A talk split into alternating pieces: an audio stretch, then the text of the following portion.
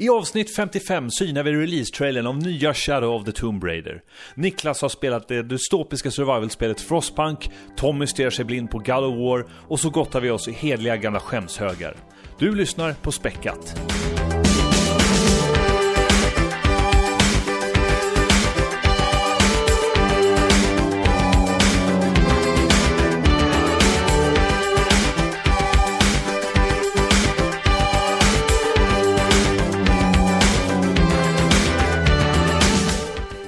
Äntligen fredag igen och Späckat är tillbaka nu på veckobasis. Den här gången med en eh, trio. Det som vi nu gör i den här podden, att rotera runt massa personer. Den här veckan med fantastiska Niklas Lundqvist och Tommy Jansson. Två, tre, ett, vad säger man, två tredjedelar av originaltrion. Ja, Men den är väl begravd. Vi har väl tuffat på, kör vidare. Har ni hämtat er från eh, allt vad som är valborgsfirande och, och första maj-demonstrationer? Ja, jag vet inte om jag har demonstrerat som man borde göra. Det är ju liksom, man får ju skämmas om man bara har suttit hemma på soffan på första maj. Jag har eh, demonstrerat hemma mot eh, Nintendos orimliga priser på gamla spel som de ger ut. Jag tänker på det här Donkey Kong Tropical Freeze som jag hade sett fram emot som släpps idag tror jag faktiskt. Ett gammalt Wii U-spel som de tar liksom 600 spänn på. Och vad, liksom, vad har de lagt till? De har lagt till ett sånt här Funky Mode. Man kan spela som Funky Kong. Men är inte det här Nintendo i ett nötskal tänker jag? Det här var väl samma sak när man tittade på, på titlar eh, från Wii, vill jag minnas, när man skulle plocka de här typ eh, Super NES eh, titlarna och annat. Att jag kände också att det var väldigt överpriserat. Och Ja. ni, nu när Nintendo Labo är ute också, 600 spänn för, för Lite kartong. Du kan få lite flyttlådor av mig som Jävla- vi kan leka med istället. Bra Niklas, jag gillar det här. Börja med lite gammalt hederligt Nintendo-hat. Fan vad bra. Tommy, har du, har du demonstrerat? Vad demonstrerar du mot? Ja, jo, nej men det, faktiskt, jag har varit på bio, faktiskt. Och nu tänker ni, hur, hur kommer det här som en demonstration? Nej men jag, jag har ju varit väldigt nervös de senaste månaderna när jag ska gå på bio eftersom jag har haft sån otrolig jävla otur att sitta med så här gapiga människor runt omkring sig. Eh, ni känner säkert till det. Folk Åh, som... gud, ja. eh, prassel och sånt där tål jag faktiskt, men när folk ska hålla på och snacka och chattra under filmer, det, det irriterar mig så otroligt mycket. Därför måste man väl se någon slags sån här Marvel-film där allting ska expl- explodera liksom i två timmar så man knappt hör någon. Men har ni talat om den här skräckfilmen som kom ut, där, Quiet Place? Ja, jag, jag har inte velat vågat se den av just samma anledning för att den går väl ut på att det ska vara tyst hela tiden och liksom prassel och snack kommer att höras extra tydligt. Precis, alltså jag har ju haft väldigt höga förväntningar på den här filmen. Alltså det är inte ofta man får liksom en bra skräckfilm och det vill man helst liksom se på bio, det känner jag. För att få en perfekt upplevelse. Men det här kan ju förstöras väldigt snabbt när man får de här psykopaterna runt omkring sig som ska hålla på och snacka och sånt. Så jag har ju väntat ut den här filmen och sett liksom nu eh, på SFs hemsida att den går bara längre och längre ner på topplistan. Det vill säga att det är färre eh, folk som går och ser den. Så då tog jag min chans häromdagen och tog min fru på bio när vi såg att det var bara liksom två andra typ som hade bokat i den här lilla salongen. Och när vi väl kom dit så var det verkligen så här perfekt. Eh, det var liksom, ja, tre par och eh, vi som satt i den där salongen. Men det här är ju såklart ingen solskenshistoria, ska jag redan nu säga. Det, är liksom tio minuter in i filmen så liksom kommer det upp sådana här bildtexter där det står typ så här dag 64. Det här är en sån här postapokalypsfilm, bara för att sätta lite kontext på det. Liknar en postapokalypsfilm där liksom några slags rymdvarelser, man vet inte riktigt vad det är, har tagit över jorden och de är väldigt så här känsliga mot ljud. ljud.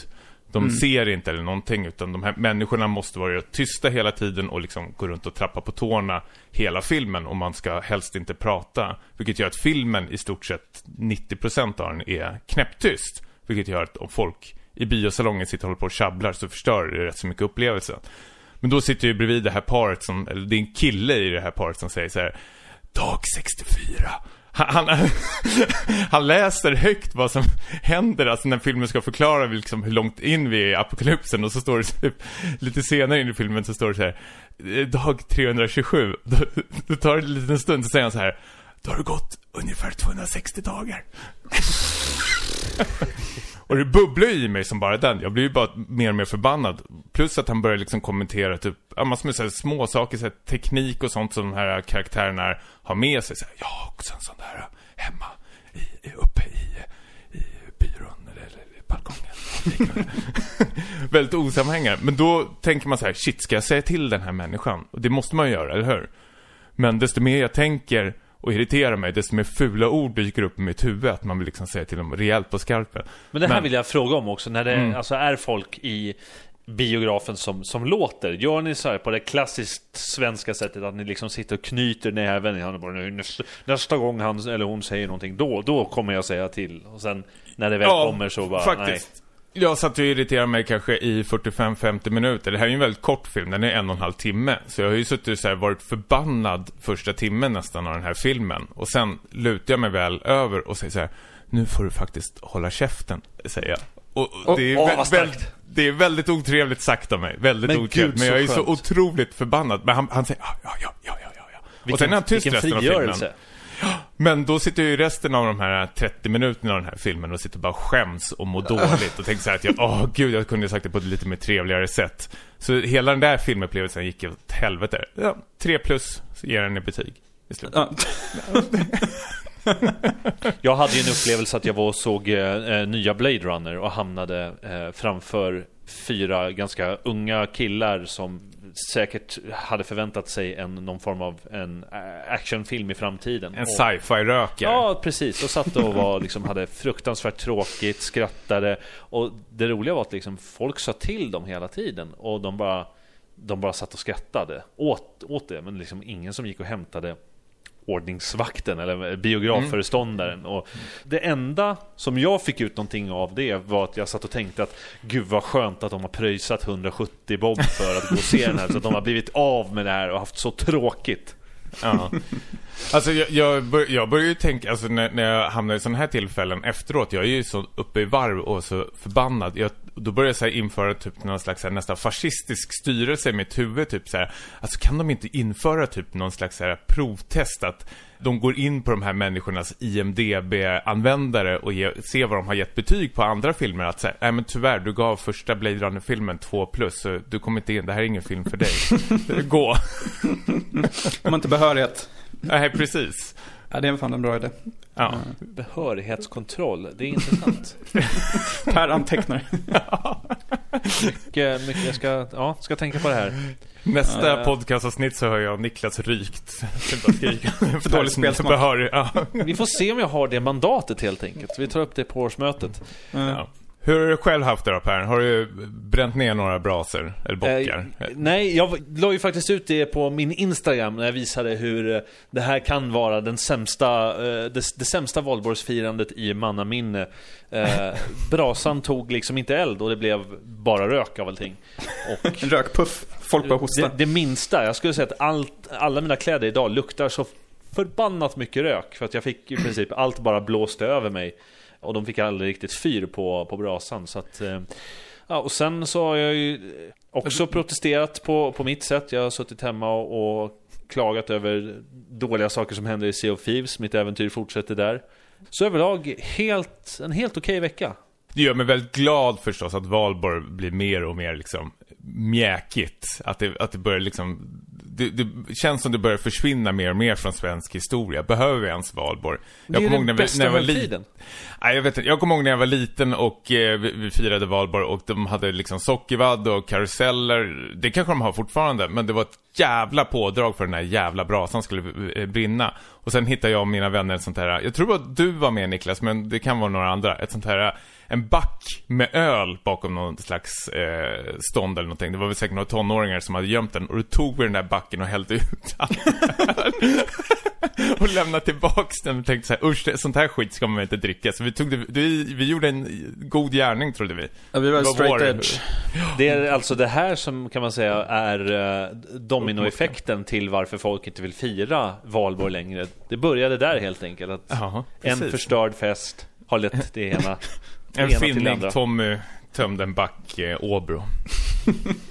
ja. Starkt minne, ja. Nej, men då har det hänt betydligt roligare saker i, i spelvärlden kan man lugnt konstatera. För i dagarna så avtäckte Square, Square Enix sitt Shadow of the Tomb Raider, Tomb Raider, Shadow of the Tomb Raider med en reveal-trailer. Yes! Och det är en, en vad ska man säga, ganska, ganska fet sådan. Har ni sett den? Vad tycker ni? Jag går ju inte jätteigång på sådana här full motion videos eh, trailers. Jag vill ju fortfarande se gameplay för att skapa liksom en eh, ärlig och riktig eh, uppfattning om spelet. Men jag tror inte det här spelet kommer skilja sig så jättemycket ifrån eh, de två tidigare spelen. Det här är ju, jag vet inte om det här kommer vara avslutet på en trilogi, men det kommer bli en trilogi nu med i alla fall. Nu när Eidos Montreal är det väl, va? Som gör det här spelet, eh, som har tagit över mm. eh, Deus Ex-skaparna, eller de senaste Deus Ex-spelen i alla fall, är de väl känna för. Precis. Och eh, jag älskar ju de eh, två tidigare Tomb Raider-spelen så jag ser ju otroligt mycket fram emot det här. Men som sagt, jag vill ju se mer gameplay. Eh, men det vi kan konstatera i alla fall att det här är väl lite mer djungelbaserat och ska väl vara en liten mörkare ton som det inte har varit tillräckligt mörkt i de tidigare spelen. Precis, så jag tycker att det är kul i alla fall, du säger att det inte är gameplay Absolut, däremot så tycker jag att det talar ändå ganska mycket om typ narrativet och, och, och settingen i, i, sig. För här ser man ju vad jag tolkar som, eh, folk pratar om det är maya eller azteker. Jag tycker väldigt mycket azteker över hela situationen. Som verkar bli den stora grejen för. Så sydamerikansk setting, väldigt mycket ja. fokus på stealth skulle jag säga. Som vanligt, eh, lite mer Indiana Jones eh, Raiders of the Lost Ark-känsla kanske. Eh, lite anmärkningsvärt då att det kommer med Season Pass. Det, om, om man liksom drar... Som du har gjort innan också. Ja, det har jag gjort det, okej. Okay. Jag tänkte mm. så här, parallellen med till exempel God of War som gör någon slott, ett sorts statement av att inte att det inte ska komma någon uh, DLC eller någonting sånt där. Så de går ju mot strömmen lite där medans uh, Tomb Raider har rättat in sig i det här Game as a Service-ledet jag är inte super för Season Pass och sånt där och jag gillar det God of War gör, men om man ska, nu vet jag ingenting om det här, men det jag tror är väl att Santa Monica Studios får väl mer stöd ekonomiskt ifrån Sonys eh, sida. Eftersom mm. det här blir väl något slags, eh, vad heter det nu igen? Alltså det är ju ett enbart spel till Playstation. Ex precis, exklusivt. exklusivt. Tack, det var det jag letade efter. Medans eh, då, där Tomb Raider då är väl att Square Enix har väl typ chippat in lite och eh, dem lite på vägen men inte fullt så mycket som eh, Sony som det behövs, gör då. Liksom. Mm. Som dessutom Nej, släpps på alla plattformar. Och jag tror väldigt, väldigt många, även jag har gjort mig skyldig till det här som har köpt Season Pass men sen har man upptäckt när man har spelat liksom eh, originalspelet att man är väldigt mätt mm. på det och inte brytt sig så jättemycket om de eh, resterande DLC-delarna eh, där. Så där, tjom, fick ni lite gratis pengar. Ja, det, det var ju så det var för mig med just eh, Eidos Montreals förra spel, Deus Ex Mankind Divided. Då klarade jag spelet och köpte DLC. Som jag sen började spela lite men sen bara nej, jag är ganska mätt faktiskt. Jag, det, fick, det fick räcka med att, eh, att klara själva huvudspelet. Mm. Så eh, ja, jag är väl inte heller så mycket för det här Season Pass. Hur känner du Per för det här? Eh, är du peppad? Vi kommer att prata om någonting senare i programmet som vi kallar för skämshög, så jag skulle vilja reservera mig och eh, återkomma lite senare angående den kommentaren. Däremot så får man säga att folk måste ju vara pepp på det här. Första spelet i trilogin sålde 11 miljoner exemplar, andra 7 miljoner, tror jag. Mm. Men det är fortfarande en bra indikation på att det här spelet är efterlängtat ändå. Skulle du säga att, vad är din förbehållning eller vad, vad ser du mest fram emot? Är det gameplayet eller finns det ett, tycker du att storyn i sig har varit värdig att följa? Nej, storyn har väl varit he helt okej. Okay. Den har inte varit dålig, men jag tycker Tomb Raider har ett väldigt unikt och roligt eh, gameplay. Jag tycker det, jag föredrar ju Tomb Raider-spelen eh, för eh, Uncharted-spelen faktiskt. Eh, jag tycker det finns ett eh, bättre flyt och tempo och lite mer variation eh, när det kommer mellan stealth och eh, springa runt eh, bananas och skjuta människor och sånt där. Lite mer survivor-känsla får jag det faktiskt, och jag gillar det. Jag gillar settingen också som jag haft i två tidigare spelen. Eh, hur som haver så kommer i alla fall spelet ut 19 eh, september. Eh, det är väldigt mycket mobilsläpp just nu, eller mobilspel som är under utvecklingen. Det här är så otroligt kul för det... jag kan inte prata. Det är du som går igång på det här så hårt alltså. Jag går igång... Take it away nu Per. Jag går igång stenhårt. Mobilspel, ja. framtidens plattform. Uh, nej, men vi har, har, gjort en nyhet av att Platinum Games ska släppa World of Demons. Som är någon form av uh, hack and slash spel i stil med Bayonetta och Devil May Cry för touchscreens. Och detta World of Demons ska släppas på Android och iOS.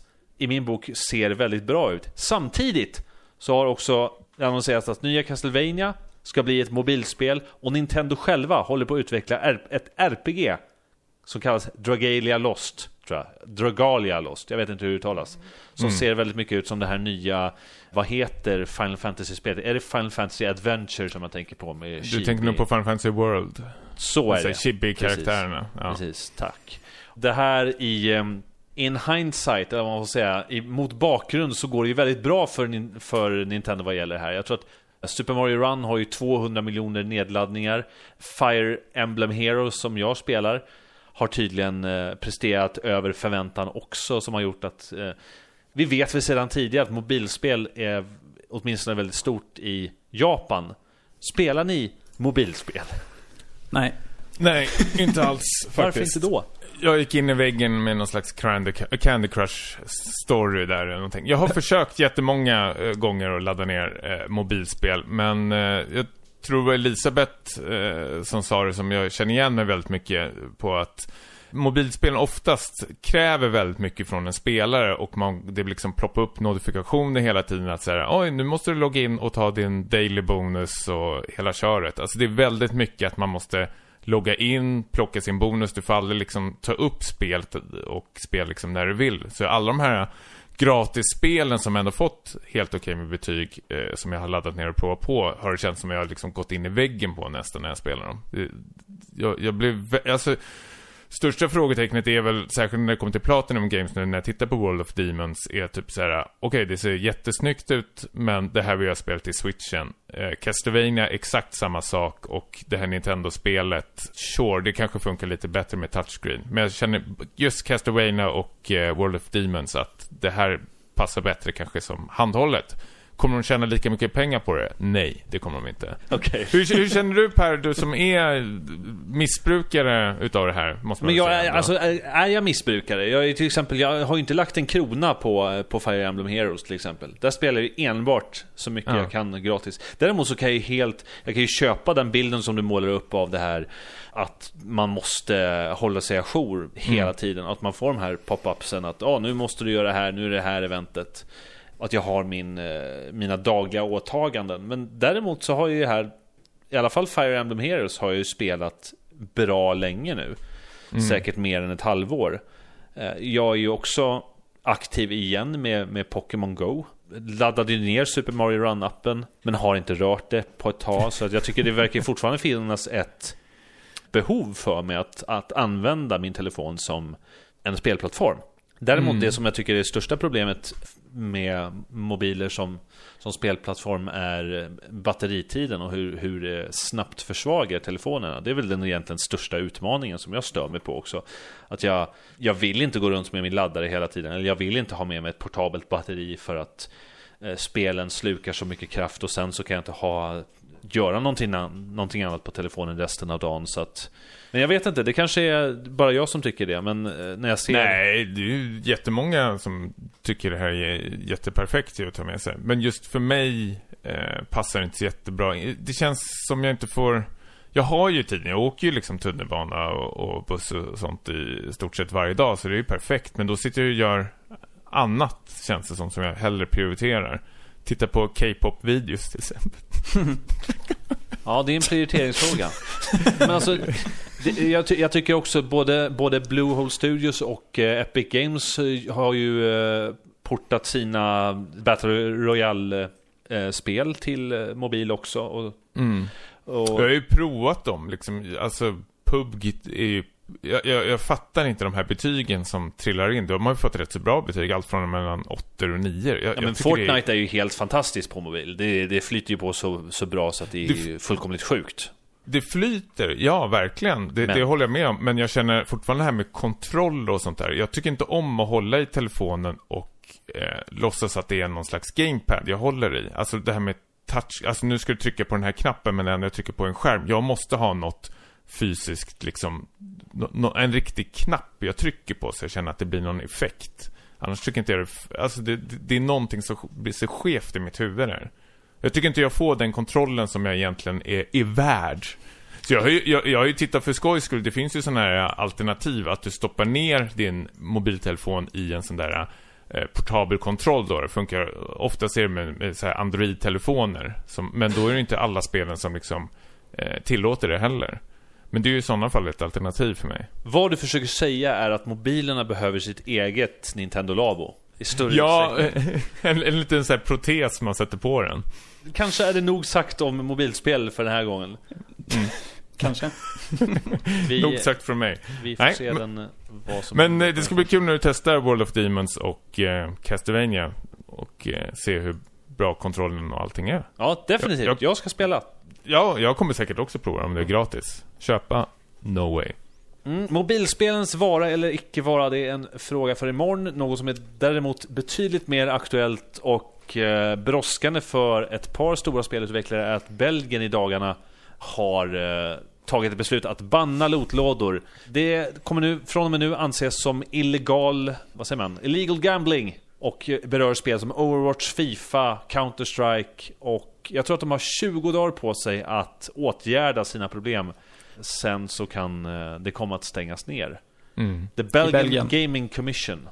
Det här är jättespännande tycker jag och hur han nu liksom lyckats, det trodde jag aldrig det skulle göra, lyckats liksom ta sig igenom för de flesta, säkert om vi ska ta Overwatch som exempel, men det gäller nästan alla sådana här med lootlådor att de har kommit, för du nämnde väl gambling tyckte jag eh, Per? Ja, precis. Alltså, illegal gambling. Det de har kommit runt med, eh, varför det inte räknas som gambling, är väl att eh, du alltid vinner någonting från de här lootlådorna. Alltså du, du förlorar, alltså om man jämför med enarmad bandit så kan du ju liksom förlora. Du kan ju gå ut i noll. Men till exempel ett Overwatch så kan du ju du får ju alltid någonting i de här lådorna. Om du får en dubblett så får du liksom in-game currency. Så du går ju alltid, vad ska man säga, i plus hela tiden. Och på det sättet har de liksom så här dansat runt de här gambling-lagarna i många länder. Men nu verkar det vara som att Belgien har... Jag vet Sett igenom där. Ja, precis. Det, jag tycker det är skitsvårt. Jag är emot eh, lootlådor. Jag förstår varför det finns. Största problemet varför de här anmälningarna har kommit in vill jag tro, eller det har jag läst runt i alla fall, är väl oftast eh, till exempel mobilspel där föräldrarna har lånat ut kanske sin telefon. Eh, jag vet ju själv, jag har ju arbetskollegor som har varit med om det här. Så kanske barnet har fyllt år och då har de kanske önskat sig liksom 50 diamanter i födelsedagspresent för sin smurfby eh, som de kan bygga upp. Men då har de ju skrivit in sitt kontokort och sen när den här eh, 6-7-åringen sitter och trycker eh, någon dag så märker de på kontot att 2000 spänn är helt plötsligt borta eh, till de här smurf smurfarna. och där har det ju kommit in väldigt mycket sådana här arga föräldrar att det inte finns någon så bättre spärr på det. De har ju skärpt till det där, många av dem, senaste tiden, men det är tydligen fortfarande ett problem. Det här kom i alla fall precis bara, vad ska man säga, veckor efter det att eh, Nederländerna också tog ett beslut om att lootlådor skulle åtgärdas. Alltså jag tror att fyra, fyra utvecklare också fick uppdraget att de måste ändra sina regler för, för lootboxes. Men det som jag tänker spontant är att det verkar som att det inte är speciellt genomtänkt att det går väldigt fort. Du berörde till exempel det här att Overwatch alltid belönar dig med någonting. Mm. Men att i det här fallet så, så är det ju inte fullt ut gambling utan det verkar mest vara hel, efter hela Star Wars-debaclet så har en, en quick fix skulle jag vilja kalla det. Ja, eller quick fix, vad menar du? Att de har... Att man inte riktigt förstår problemet utan det är mest det här vill man åtgärda snabbt och jag, jag, jag vet inte, jag, jag tänker mest högt här.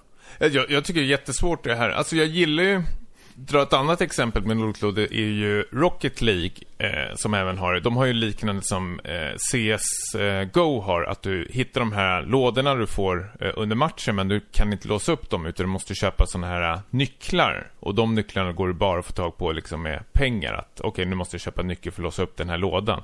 Men då skriver eh, Rocket League-skaparna väldigt tydligt så här. Bara så ni vet så går de här pengarna till våra e-sportsmatcher och eh, allting runt omkring där att det är väldigt så tydligt vart eh, pengarna går till. Och sånt tycker jag är ändå rätt så... Det, på, på, något sätt i mitt huvud blir det väldigt he, helt plötsligt eh, okej okay, eh, faktiskt. Att man nästan så här, det blir nästan som en support. Men sen finns ju sådana här galna fall. Jag har ju en gammal klasskompis som bara sp spelar liksom FIFA-spelen. Det är det enda spelet han köper varje år med sina kompisar. Då var det någon kväll han berättade att de samlar sig ett gäng, fem, sex personer och så alla med sig sitt Playstation 4 och så sitter de bara och nästan hetsar varandra vem som kan spendera mest pengar på de här FIFA-korten. Vilket slutar med att han gick väl ut med 2000-3000 spänn eller någonting på en kväll. Och det gjorde de andra också. Alltså det, det, det, det är ju helt löjligt mycket pengar vad det här går till. Och det gör mig väldigt förbannad när det går till EA. Faktiskt. Jag är ju väldigt nyfiken att höra vad ni lyssnare tycker man ska lösa åt det här eh, lootboxproblemet faktiskt. Om ni har någonting. Tycker ni bra som det är eller tycker ni att man bör eh, slopa hela lootbox-grejen? Så då, då, kan man väl höra av sig va? Ja, skriv till späckatpodcast.gmail.com Säg vad ni tycker.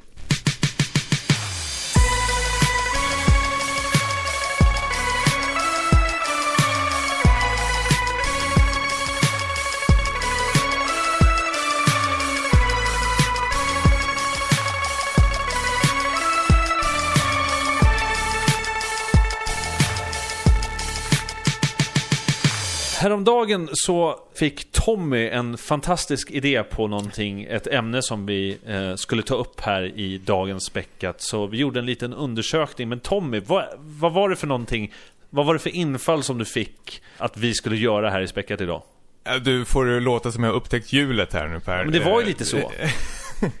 Nej, men jag tycker, jag älskar ju sådana här äh, lyssna på folks liksom skämshögar och eh, alltså det finns ju väldigt många sådana subkategorier jag älskar när man kan prata om spel. Till exempel ett överskattade spel eller underskattade spel. Men skämshög, det kanske vi kommer att prata om i något annat avsnitt. Men just skämshög tänkte jag att vi skulle prata om lite idag. Och eh, vi kanske kan diskutera sinsemellan eh, vi tre om det verkligen är en, en eh, skämshög. Och eh, en annan fråga också är att eh, har det tåget redan gått? Jag tänkte ni pratade lite om Chenmu 1 och 2 förra avsnittet.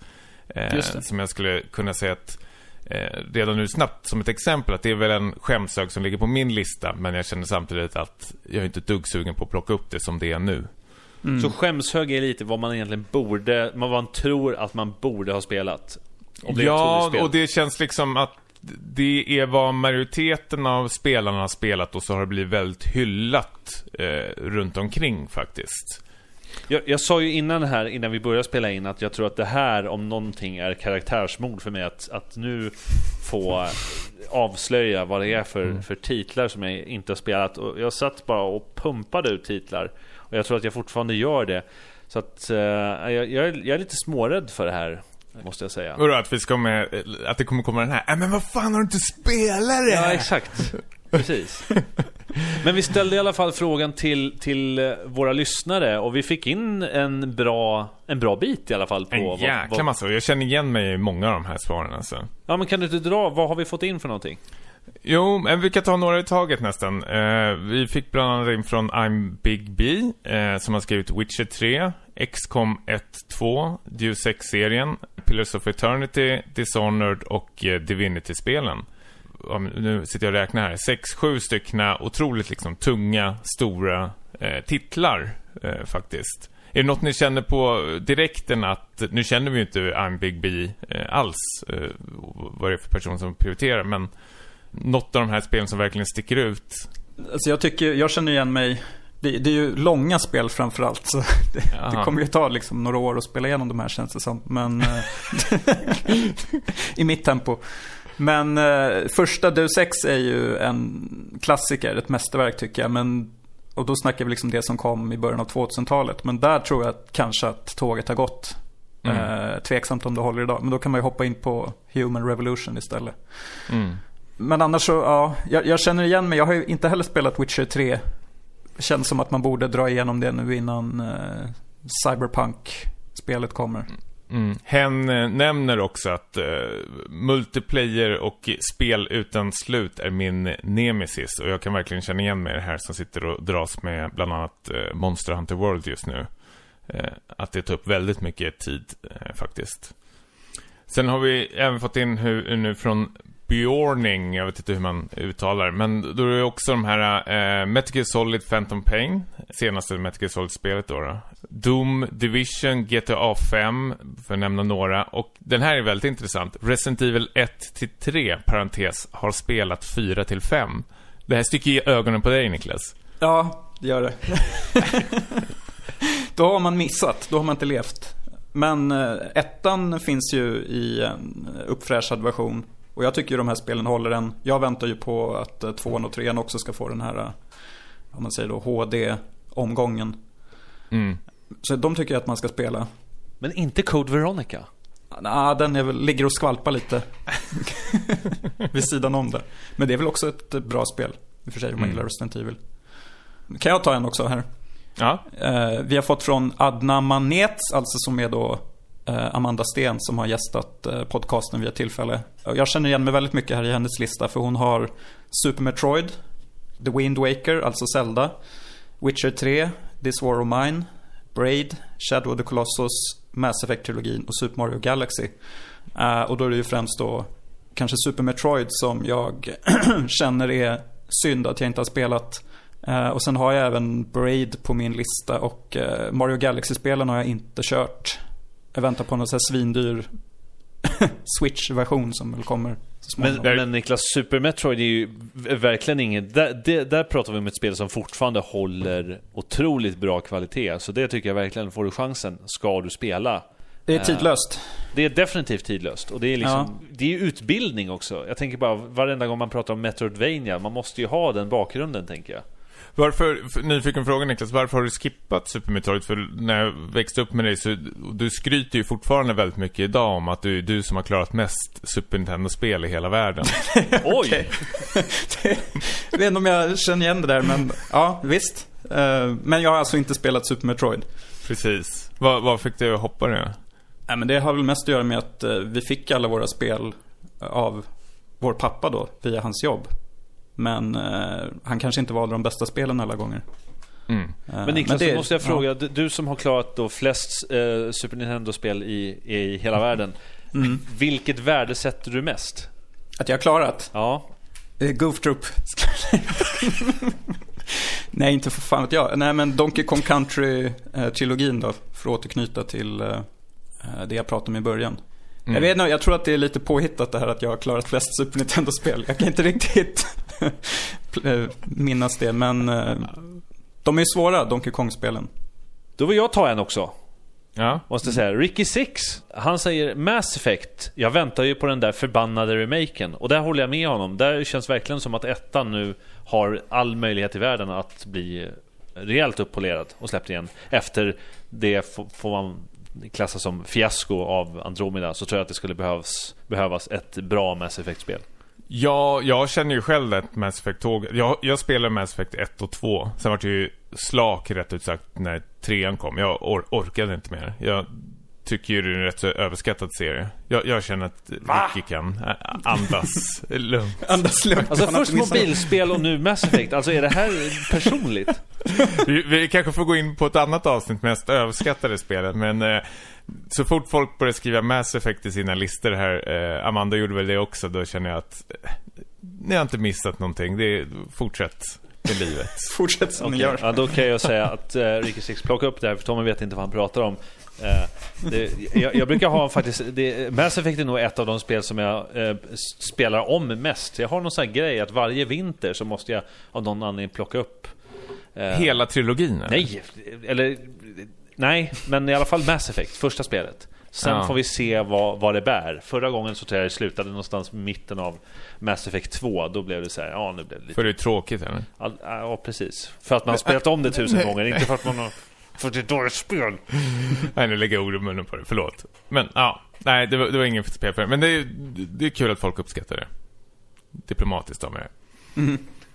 Vad har vi mer då?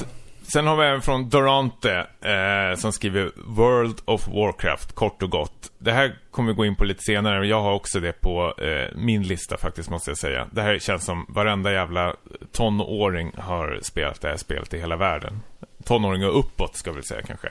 Eh, Vi har även eh, Lill Square, som har skrivit Shadow of Colossus och Chrono Trigger slash Final Fantasy 6. Jag vet inte var det här Slash-grejen kommer ifrån. Två olika spel. Men aldrig klarat. Ja, men jag tror han, han menade att eh, båda de här spelen är liksom legendariska Super Nintendo RPG'n som jag kan känna igen mig eh, i vad han menar. För eh, jag har spelat båda de här spelen väldigt långt men aldrig liksom slutfört dem. Och det är väl en liten skamfläck för det är så otroligt definierande mästerverk båda två. Men jag har aldrig Du har sett inte- sluttexterna. Du har inte klarat Final Fantasy 6? Nej. Kan jag erkänna här och nu. Alltså det, som jag, det, det här är jag lite rädd för också. Jag har klarat båda spelen, men jag är ju väldigt sugen på, i och med att det betytt så mycket för mig i min barndom, så känner jag att vi, jag vid något tillfälle plocka upp de här igen. Samtidigt känner jag att jag är otroligt rädd för att förstöra de här spelen. eh, Och den magi som det tog med sig. Chrono Trigger kan jag till exempel ställa mig frågan om det verkligen är det fantastiska spel som jag minns idag och om det har åldrats med värdighet. De det har här- inte kan jag säga. Ah, då. Ja, men det är Berätta kanske för att du har spelat mobil, eh, mobilversionen av den. Jag vet inte. Nej, jag spelade 3DS-versionen. Det här var ju ett spel som jag eh, hade missat vid SNES-tiden. Jag spelade lite grann på emulator men aldrig körde igenom det. Men sen eh, skaffade jag 3DS-versionen och goddammit alltså. Det, det, jag förstår varför folk gillar det men jag blir så otroligt förbannad på spel när de säger så här. Hitta det här svärdet åt mig. Okej, vad finns det då? Hitta det här svärdet åt mig. Men eh, ursäkta, vad finns Hitta det här svärdet åt mig. Aha, okej, ja. Och så ska man bara ut i världen och Du vill bara hålla leta sig i efter- handen egentligen. Och... Ja, Få en indikation i alla fall vart man ska. Ja, precis. Det är ju rätt så stor karta man ska ta sig igenom. Och man ska hålla på och hoppa emellan tider och sånt där. Ja, exakt. Gör inte saken Mm. lättare. Nej. Hörrni, hur är det med era skämshögar? Vem, vem, vem tar modet? Ja, då är jag... Eh, Då, eller ja. förlåt Niklas, du kanske vill... Nej, eh, ja, men min är inte så lång. Jag har ju klarat det mesta. Ja, men kör. eh, jag, eh, vi, vi har tagit upp flera redan. Eh, Witcher 3 som sagt, eh, Mario Galaxy 1 och 2, Super Metroid, Grim Fandango. Jag vet att Tommy har väldigt bestämda åsikter. Att det här är något man kan eh, gladeligen strunta i. Tim Schafer är väl en av världens överskattade spelskapare. Svär i kyrkan på flera. Fast Är det? Fandango är ju... Jag kan hålla med. Det känns som ett sånt där spel som man... Det, det låter som... Ja, men ni vet i sådana listor så här, böcker man måste ha läst för att låta, eller vara kulturvetare. Jag tycker Mm. att Grim Fandango är ett av de där spelen som man ska, för att förstå eh, historien, eller vad man säger, förstå bra narrativ. Jag vet inte. Det är någonting över den titeln som är, eh, som är väldigt tungt. Det håller jag verkligen med om. Men jag tror jag, jag stör mig väldigt mycket på det här PK-klicka-grejen och Tim Schafers liksom helt ologiska eh, lösningar till pussel ibland. Det, då, det är då jag tappar det. Per, hur är det med dig då? Okej, jag tänkte så här. Jag, jag, jag drar titel för titel, så får ni lite snabbt kommentera. Så här, kon, Ska enstaka säga, kommentarer. ska vi skrika skäms eller vad vad har vi motsvar, motsvarighet till det? Ta det lugnt. Ta det lugnt. Ta det lugnt. Skäms okej. eller ta det lugnt Okej, då? okej. Ja. Då Okej, börjar vi ja. här. Ja. Ocarina of Time. Skäms. Skäms. Okej. Eh, The Last of Us. Skäms. Skäms. Oj, oj, oj. Ja, det här var tungt. Half-Life 2. Skäms. Skäms. Vad är det här för något? Ja, ja. Eh, Uncharted. Ta det lugnt. Ah, ta det lugnt. Eh, Dark Souls. Ta det lugnt. Ja, jag har inte heller spelat det, så ta det lugnt. Skäms på dig. Ja, jag ska inte skämmas. Ja. Nej, då vill jag nog sluta där faktiskt. Ja, det, det, det fanns mer egentligen. Det finns mer, men eh, det var för mycket skäms. Nej, så ska du inte känna. Du, du kanske vill fortsätta med en eh, lite senare. Ska, ska jag ta min lite snabbt då? Mm. Sen sätter vi punkt som för det här. så här. Nå, något spel som jag är riktigt jävla förbannad på att jag, alltså som jag har försökt flera gånger eh, och som jag vill prova men nu känner jag verkligen att det är för sent. Det kanske du kan avgöra eh, Per, vi har pratat lite om det. World of Warcraft. Usch. Det är det, eller hur? Nej, nej men alltså, nej definitivt inte. Men däremot så jag tycker det är så kul när du tar upp till exempel Monster, Monster Hunter World. Hur, Ja. du, hur, hur det är ditt Warcraft och hur det märks att, ja den här nästan besvikelsen att du inte har varit med på tåget och upplevt sensationen som är eh, Mm, World of mm. Warcraft. Min lillebror spelar det här väldigt mycket så jag hängde ju liksom bakom hans axlar. Alltså det här spelet kom ju under en tid där jag pluggade väldigt mycket, började ett nytt jobb och sen flyttade utomlands. Alltså höll på, har ju hållit på ett bra tag liksom. Och jag har aldrig känt att liksom att jag har haft tid med det förrän typ nu senaste åren då jag skulle kunna känna, typ så här, ja men det här skulle jag nog kunna bara skita i allting och bara hoppa in i WoW och då kollar man upp liksom så här, ja men du har missat nio expansioner typ.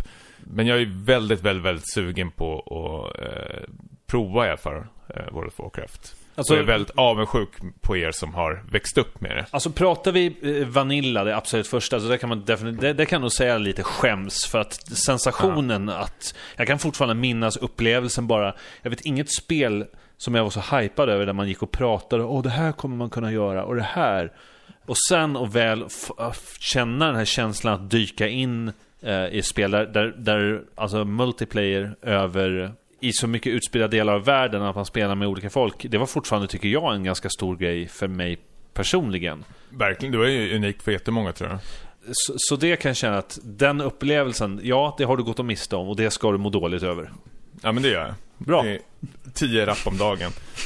Sen, det har vi också nämnt här flera gånger, Shadow of Colossus eh, känner jag att det är ett sånt där tv-spelens motsvarighet till någon jävla David Lynch-film kanske. Det känns som man ska ha spelat det om man nu älskar tv-spel så otroligt mycket, får jag en känsla av.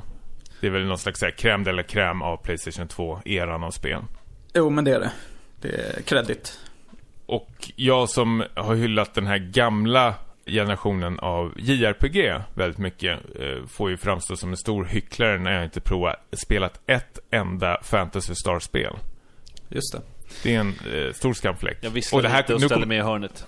Du har spelat allihopa? Eller? Nej, jag har inte spelat något. Nej. Men här kommer nog den största och det här, det här är en av mina liksom, favoritspelserier. Jag älskar Fallout-serien och har spelat allihopa förutom New Vegas. Det är väl och det, det ska väl typ vara den bästa. Jo, men det är det. det är... Ja. Det, det, är helt sjukt. Alltså, jag äger liksom fyra kopior känns som av det där spelet. Fallout 4 kom vägen där. Ja. Mm. Ja. Hur, per, vill du fortsätta med din lista? Jag är klar nu och nu går vi vidare i programmet.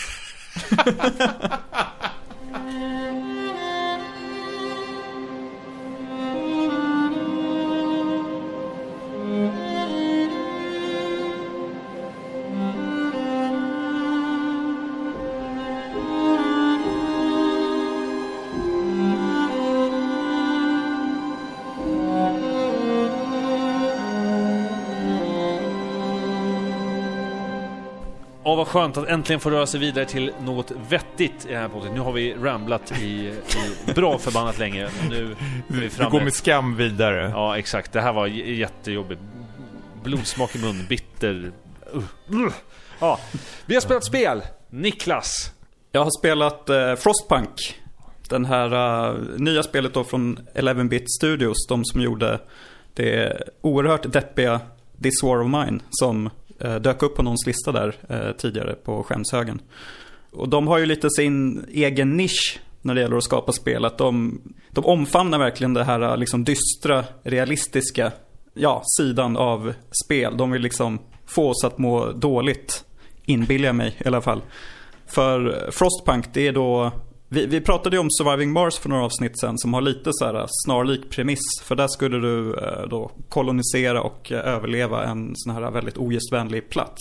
Men den, det spelet hade ju eh, lite mer så här komisk touch eh, kring sig. Här är det ju raka motsatsen. Det är verkligen en så här superdeppig stadsbyggarsimulator slash överlevnadsspel. Så det hakar i lite från eh, Disorder of Mine men det är ju också liksom en eh, ja, SimCity-spel skulle man kunna mm. säga. Uh, har, har, ni uh, haft någon koll på det här eller sett fram emot det? Ja, jag är väldigt sugen faktiskt. Men jag har inte jag har inte sett några, knappt några videos eller jag har inte tittat på Twitch alls eh, till och med. Jag har ju lite svårt när jag kollar på bilder och sånt där få en uppfattning typ hur det spelas? Alltså är det en, en enda lång kampanj eller liksom uppdrag och sånt där? Det kommer du säkert förklara lite jag, mer. Absolut, nu. jag kan komma in på det. Jag, jag, kan ju bara säga, jag tittade lite snabbt på det när du nämnde eh, det här och jag tycker att själva estetiken är väldigt lockande. Jag, bara, jag tänkte precis säga, om oh, det är ju steampunk. Ja, det framgår i namnet kanske lite grann. uh, men uh, det, det, ser kargt ut och det ser snyggt ut av den anledningen så att mitt första intryck bara när jag tittar på det är att det ser lockande ut. Mm. Man blir väldigt nyfiken på vad som har hänt. Ja, alltså det är ju, till att börja med så utspelar det sig då i någon så här alternativ tidslinje, slutet av 1800-talet där det är då en sån här äh, världsomfattande istid som ja, förintar stora delar av mänskligheten och de få överlevarna de försöker söka sig liksom, till någon ny boplats och eh, hamnar då eh, vid någon slags här, stor generator, så här, värmegenerator som de då ska bygga sin nya civilisation kring kan man säga. Och man spelar ju då såklart som ledaren för det här nya samhället. Som sagt, det är ju en, i mångt och mycket en så här stadsbyggarsimulator. Att du bygger bostäder, du, får, du kan sitta och pyssla med mikromanagement. Du har ett sånt här äh, teknologiträd där du kan välja lite vilket håll du ska liksom forska kring. Äh, men sen har du ju då också de här, äh, vad säger man, det som gjorde att This War of Mine stack ut lite. Den här, det obehagliga, nästan så att man gottar sig i eh, hemskheter. För det, för du, för det, det, blir ju typ din roll här som ledare för det här samhället så blir det väldigt mycket att du ska ta tuffa beslut. Och att du kanske börjar kampanjen som en, eh, ja, väldigt så här, eh, du, du ska rädda alla utgår ifrån. Det här ska bli den bästa staden någonsin. Men ganska snabbt så står det ju då fast att Eh, det går inte att rädda alla. Det, du måste bli otroligt så här, eh, pragmatisk och realistisk och ta beslut som kan innebära att eh, flera hundra människor då stryker med för att du kanske kan rädda hundra till. Det blir liksom, som exempel du, så kan du då instifta lite nya lagar för att få det här samhället liksom att dra åt rätt håll. Och jag tror jag redan dag två eh, införde en lag som innebar att eh, jag, jag kan tvinga arbetare att jobba 24 timmars pass istället för de vanliga 8 timmars passen.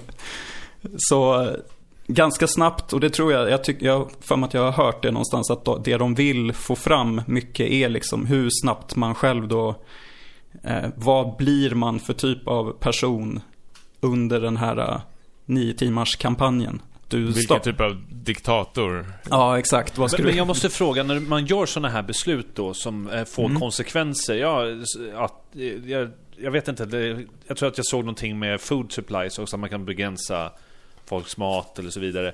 Mm. Eh, yttrar sig det här på något sätt eller blir det snabbt bara siffror på en skärm? Att det är svårt att liksom föreställa sig hemskheterna? Eller är det mer att det eh, förkroppsligas väldigt bra i, i texten? Mm. Att det är hemskt? Det är lite både och skulle jag säga. Alltså i början så sitter jag mest och håller koll på, det är främst två mätare som du måste eh, passa dig för. Att de får inte liksom, dels är det en så här, ja, en missnöjesmätare hos befolkningen, den får inte gå för högt. Och sen har du också det som är ännu hemskare, det är en, så här, en hoppmätare. Och när hoppet har sjunkit i botten då, liksom, då betyder det slutet för den här civilisationen. Och, eh, och dina val du kan göra, det är liksom, det kan vara så mycket som, om man jämför med till exempel SimCity, när eh, kanske invånarna klagar på att det finns inte tillräckligt med skolor i det här området, bla bla bla. Då blir liksom Eh, något liknande i Frostpunk innebär att ja, föräldrarna klagar på att du har infört en liksom, barnarbetslag som gör att barnen måste liksom, jobba mm. eh, för att få, få det här uh, samhället att gå runt. Och det är liksom så här, uh, folk dör på arbetsplatsen och som du nämnde där Per så finns det, det kommer ju de här små gripande berättelserna mitt i liksom när man får ta ställning till vad man ska göra med det är någon liten pojke som sitter på kyrkogården och liksom, ja, väntar på att hans mamma ska, eh, ska komma tillbaka. Och han, han, den här pojken kräver att man ska kalla till stormöte. Liksom för att då kommer mamman kom, dyka upp på mötet. Men då är det bara man får säga så här, nej, deal with it. Och så, då känner man sig ganska hemsk. Men eh, det är, ja, men hur, är det svårt? Är det olika svårighetsgrader? Är det en enda lång kampanj man kör? Alltså, är det uppdrag man har vid sidan om? Precis, det är en... Eh, Känner man av att det är ett slut? Med att, att, att, vad jobbar man för liksom? Förstår du vad jag menar? Absolut, man jobb, det finns ett slut. Det finns en tydlig kampanj där du ska uppnå vissa mål. Uh, och jag tror att målet med spelet är att uh, ja, bygga upp en stabil ny civilisation som är självförsörjande och hela den biten. Och så får du då lite sidouppdrag längs med spelets gång som då kan bättra på mm. eh, siffrorna. Som till exempel så kan du skicka ut några så här liksom luftballonger med ja, folk som ska då försöka rädda eh, andra överlevare då som finns ute då på den här karga tundran. Så det finns liksom både inne i staden och utanför staden kan du hitta på saker för att eh, ja, det ska bli en, en bättre civilisation helt enkelt. Mm. Och eh, ja, tre timmar tog det. Sen, eh sen hade befolkningen fått nog av min, mitt styrande och ja, bannlyste mig från staden. Men vad Sen var det game då? over. Kan, kan, du, kan du ladda om en tidigare sparfil och försöka då från ett tidigare skede där du var lite mer Det- poppis? Eller? Det kan, man kan ju spa, ladda om sparfiler, men jag tror att syftet här är att du ska börja om från början. För jag känner ju nu direkt att jag eh, har lärt mig efter den första misslyckade omgången, liksom vad jag ska satsa på. Så jag tror, eh, 24 timmars passarbete är väl... kanske skulle tagit det lite lugnt med det och inte införa redan dag två. Jag vet inte. Men hur känner du? Är, du, är det här kul eller? Ja, det är ju så här kul. Ja, det är kul, men det är också så här, det är ju ett så här hemskt ämne. Jag vet ju att det kommer att bli, jag har ju tjuvkikat lite och sett vad som kommer sen och jag har ju liksom hört att kannibalism är liksom någonting som Oj. kan ja. förekomma längre fram när, när maten börjar ta slut och eh, ja, det är desperata tider så att säga. Mm.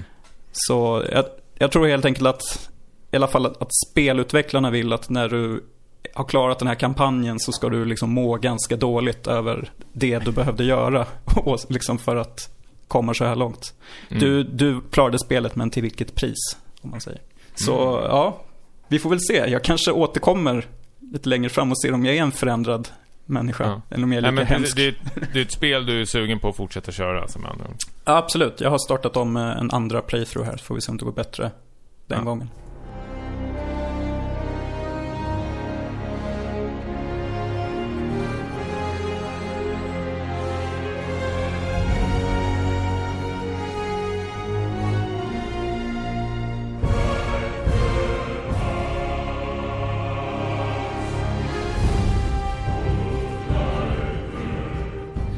Podden går kraftigt mot sitt slut, men det är, vi kan fortfarande inte riktigt sluta det här utan att nämna det fantastiska som är God of War just nu. Och Tommy, du har ju spelat eh, God of War. Eller håller på Ja. att spela. Ja, men jag håller på att spela. Jag har långt ifrån klarat. Jag, det är väldigt hårda eh, regler här hemma faktiskt, när jag får spela. Jag hade säkert kunnat klara det på en vecka eller någonting tror jag. Men Eh, min fru, det händer inte ofta. Det hände med The Last of Us, eh, Persona 5 eh, bland annat. Men att jag har fått ett... Eh, du får inte spela utan mig. Utan hon har ju också svept med den här storyn, eh, precis som jag. Och, och vill inte missa någonting. Så jag får ju bara dra igång det här spelet eh, ja, när hon är med, med andra ord. Det har jag ingenting emot. Det är otroligt kul att sitta och spela tillsammans faktiskt. Funkar eh, jättebra. Och rätt så skönt faktiskt att ta det i sin egen lugn takt. Men det blir väldigt läskigt. Med internet nu har jag märkt att både på Twitter och allting när folk börjar lägga upp massor med bloggar typ när de ska diskutera slutet på det här spelet och sånt. Eh, så det, det är en liten minfält eh, just nu för mig där ute. Men eh, i det korta hela så jag, jag håller med verkligen det, det mesta både Lisa och eh, du Niklas eh, sa ju förra avsnittet eh, om eh, God of War som man kan lyssna på. Jag har bara några saker så här, nästan irritationsmoment eller frågetecken kanske det är egentligen som, som jag upptäckte. Eh, den här kartan man har Mm, den är inte jättetydlig. den är ju pissdålig. Den ser ut som någon sån här typ, jag vet inte, Sagan om ringen-riskkarta. Som Ja. är... Ja, alltså, jag, jag, mm. Åh, My Sweet Summer Child, vi ska spela Sea of Thieves sen. Just det. Ja.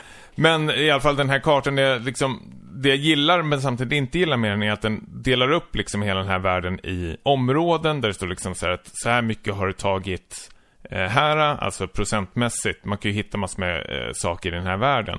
Men det är ju aldrig tydligt med de här gränserna liksom så här vart exakt det är och hur man kommer dit. Visst, det finns det sådana där, såna där portar man kan TP sig dit.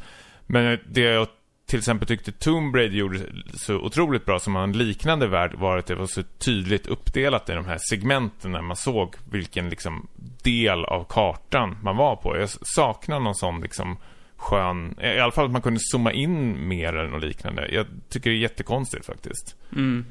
Håller jag, med. håller, jag håller med. Och sen det här RPG-systemet de har dragit in. Jag uppskattar att det finns, men eh, jag känner i det långa hela nu när man har hittat massor med sådana här sockets och saker till vapnen. Det är liksom, jag känner att det är en enda stor röra har blivit mer och mer mot slutet nästan. Att du måste gå in, bläddra, vänta vad var det jag fick nu igen? En socker till vad då? Var det till mitt vapen eller var det till utrustningen? Oj oj oj, nu måste jag bläddra runt här. Alltså var sitter den? Och, eh, jag, jag tycker den, den, den har väldigt rörigt liksom så här, vad kan man säga, equipment loot system faktiskt. Väldigt lätt, alltså med siffror och allting sånt där. Men jag tycker själva liksom att man ska komma åt och titta runt och få en överblick eh, är inte alls eh, lika bra, tycker jag faktiskt. Eh, och mycket med den här jävla texten, även fast de har liksom lagt in en patch att man, man kan förstora texten så tycker jag fortfarande den är sjukt jävla liten alltså. Jag fattar inte varför man har gjort den så liten. Jag, jag lyssnade på en intervju faktiskt med Corey Barlog. Eh, Mm. Där han faktiskt, när de frågade honom det här med just texten. Och han, han, han sa ju att ja, det är, vi, vi får ju ta på oss den såklart. Men att de hade liksom såna här eh, omfattande playtests. Och det var liksom, det kom aldrig upp just det här med texten. Det var ingen som liksom hade synpunkter på det. Så när folk då från dag ett med god anledning då började höra av sig liksom så här, men varför är texten så liten? Alltså vid releasedagen. Så blev han helt så här kallsvettig tydligen och så här, vad fan, det här har vi inte tänkt på. Ja. Och ehm, jag, jag vet inte om jag tyckte inte om den här patchen hjälpte så mycket. Jag tyckte det fortfarande är en liten text. Jag har ju fått möblera Ja, om här hemma. Flytta fram soffan liksom en, två meter för att se vad det står. Ja men det är exakt samma sak här. Jag har ju dragit fram en fåtölj så jag sitter liksom bara en meter från tvn nu. Mm. Eh, Så man kan, för det, spelet har ju väldigt mycket lore och allting du ska läsa och sånt där som jag tycker är väldigt välskrivet oftast. Eh, Och det vill man ju läsa, men det blir ju oftast att man liksom hukar sig fram nästan för att läsa det här. Ja, jag håller med. konstigt. Ja, jag håller med. Ja. Och sen är det väl... ah, Nu, nu, nu känns det som jag liksom så hackar ner på det här spelet. Det är ju väldigt, väldigt, väldigt bra spel. Men bara sista, det är små, små punkter jag vill ta upp. Eh, jag känner även de här skillsen man låser upp. Inte så jättespännande, jag känner det, samma sak där också. Om vi tänker på samma sak menar jag de här, eh, dels de här runes, eller så runstenarna som gör att du kan få olika specialattacker. Där eh, har jag i princip bara använt samma hela tiden. För jag Aj, tycker samma att eh, det, de, de är liksom snarlika varianter på, på samma typen av attack. Så jag har liksom, efter ett tag så slutade jag bry mig om att kolla in de där runstenarna. Man får så många också, så där kanske det hade Mm. varit lite bättre med så kvalitet framför kvantitet. Ja, ja men det du tänker på är oftast de här socket-grejerna man stoppar in. Men jag tänker även de här skillsen du kan låsa upp i det här trädet. eh, Ja, hur du har. kastar yxan liksom. Ja. Den, liksom. ja jo men precis. Det, det var det jag Eh, tänkte li- på. lite uh, där kände jag över det. Men annars i, i det stora hela otroligt så här, välproducerat och jag vet inte, väldigt, väldigt bra spel överlag tycker jag faktiskt. Ja. Jag, eh, jag klarade det här spelet igår faktiskt. Jaha, hoppla. Ja, jag brukar inte vara så snabb, men det var väl lite så här, dels Kanske inte så mycket, men ändå lite rädsla för spoilers. Men främst att jag, jag efter en viss punkt så började jag bara följa huvudstoryn för att jag liksom ville se vad som hände härnäst. Och eh, jag tycker att, eh, jag tycker att spelet håller hela, hela vägen. Det var bra och intressant från eh, början till slutet av liksom huvudstoryn. Mm. Eh, så ja, jag är Det är det nöjd. min fru stör sig mest på, att jag ska hålla på och sidetracka och Ja. eh, upptäcka. Särskilt den här hubben man är på, den här mittenön eller vad man ska kalla det för. Mm. Lite längre in i spelet så kan man liksom sänka vattnet och då upptäcks nya delar på sig. Ja, precis. om då, hon är på att bli galen då. Ja. Ja, nu måste vi åka runt här och kolla. Jag kände också att, okej, det här var väl... Eh, nu återanvänder använder de ju bara samma ställe egentligen, men samtidigt så... eh, Ja, söks precis. jag tillbaks i. Söks ner i det. Ja. Ja, eh, nej, jag har ju supermycket kvar att samla. Så vi får se om jag kommer att fortsätta spela nu när jag har sett sluttexterna. Det är eh, inte omöjligt, men Mm. vi får se. Hur känner du då Per? Du som har kört någon slags backseat gaming. Ja, alltså jag har ju klarat det här spelet utan att riktigt ha spelat det. Hur många gånger då? Ja, hur många gånger? Ja. Nej men alltså efter det prat som vi hade i senaste späcket så, så kände jag att det här är någonting som i och med att jag inte äger en eh, PS4 och in, inte finns några planer på att det ska komma till PC så bestämde jag mig för att ja, men jag sätter mig och kollar, skummar igenom det här spelet. För att se vad det handlar om. Och ehm, eh, sveptes in i det här ganska hårt måste jag säga. Jag, jag blev eh, fascinerad över hur, eh, vilket eh, sidospår det är från det vanliga, eller det gamla God of War till det nya. Och hur bra narrativet är, både på liksom den övergripande storyn men också det som de har gjort med nordisk mytologi överlag. Hur liksom rigorös research de har gjort för olika saker. Men också hur, hur världen i sig är så himla snygg på det här temat. Mm. Jag tänkte säga, ja nu känner man igen sig som skandinav. Eh, nej, det är inte det jag försöker säga. Men, men jag tycker fortfarande att de har skapat en, en riktigt snygg setting och, och det material de har tagit. Det här baserar som sagt inte minsta på gameplay eftersom jag inte har spelat spelet. Utan bara på vad jag har sett. Men eh, jag är fortfarande imponerad över det som jag har sett. Och yeah. Eh, den här relationen mellan de här två karaktärerna. Väldigt Last of Us eh, feeling är väl närmsta som jag eh, får. Hur har det gått till den här själva streaming-sektionen då? Jag, jag är så otroligt nyfiken på det här. Har du valt ut en enskild streamare? Är du verkligen otroligt nyfiken? Ja, ja, det är jag okay. faktiskt. Nej men för jag, jag hade nog aldrig gjort, alltså för först är det ju ett, liksom ett tidsschema du måste väl följa. Nej men alltså, det, nej det är det inte. Det är så mycket folk som lägger ut det här. Först och främst, det, det, är, så, det är jättemånga som lägger ut utan eh, kommentatorspår. Till exempel, ja, alla, alla cutscenes. Ah, okay. Eh, folk som inkluderar eh, lite av typ eh, landskapen innan. Så att det mesta, ska jag säga, så förbannat långt är ju inte spelet om du bortser från alla ja, sidequests och så, så vidare. Mm. Eh, det finns ju ett antal, eh, vad ska man säga, ett, ett, ett fåtal cutscenes som förekommer i spelet. Mm. Och dessa har jag tagit del av samt liksom, den dialogen som sker eh, vid sidan om. Ja. Men du har följt någon liksom lista med YouTube-klipp ja. då? Liknande. Ja, ja precis. precis. Men är det inte dags att köpa en konsol? Nej, det, det säger jag inte du ska göra. Men känner du inte suget att köpa en konsol? Nej, För det är ju nej. någonting, det kan jag väl säga, du, du äger inga konsoler nu? Jag äger inga konsoler. Jag har fått låna en 3DS. Det är allt jag...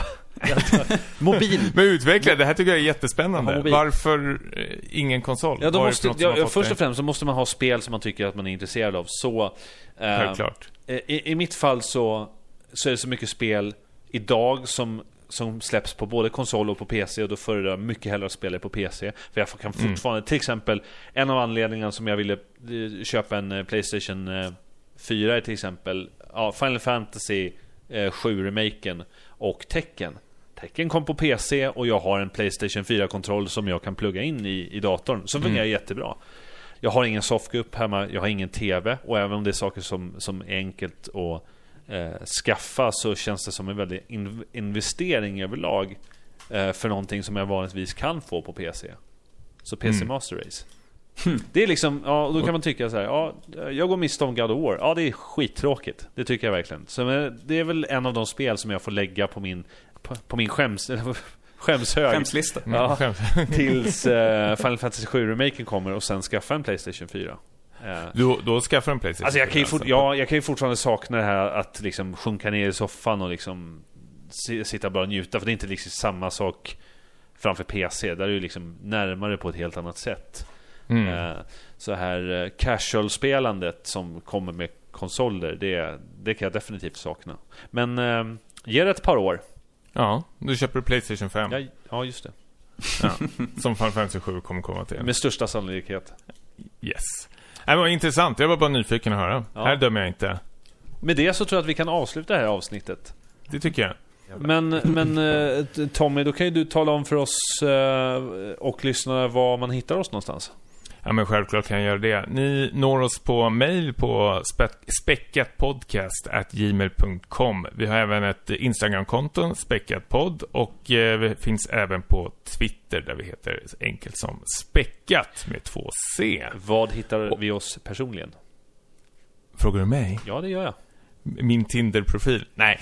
Eh, på Twitter heter jag Tommy understreck Jansson och på Instagram Stimpas. Niklas? Eh, OneLess Niklas Instagram och Niklas Lundqvist Twitter. Per? Twitter, eh, fördel. Per Landin i ett och samma ord. Härligt, nu åker vi hem till Per och dränker honom i hans skämshög. Ha det bra, så ses vi nästa vecka. Hej! Hej!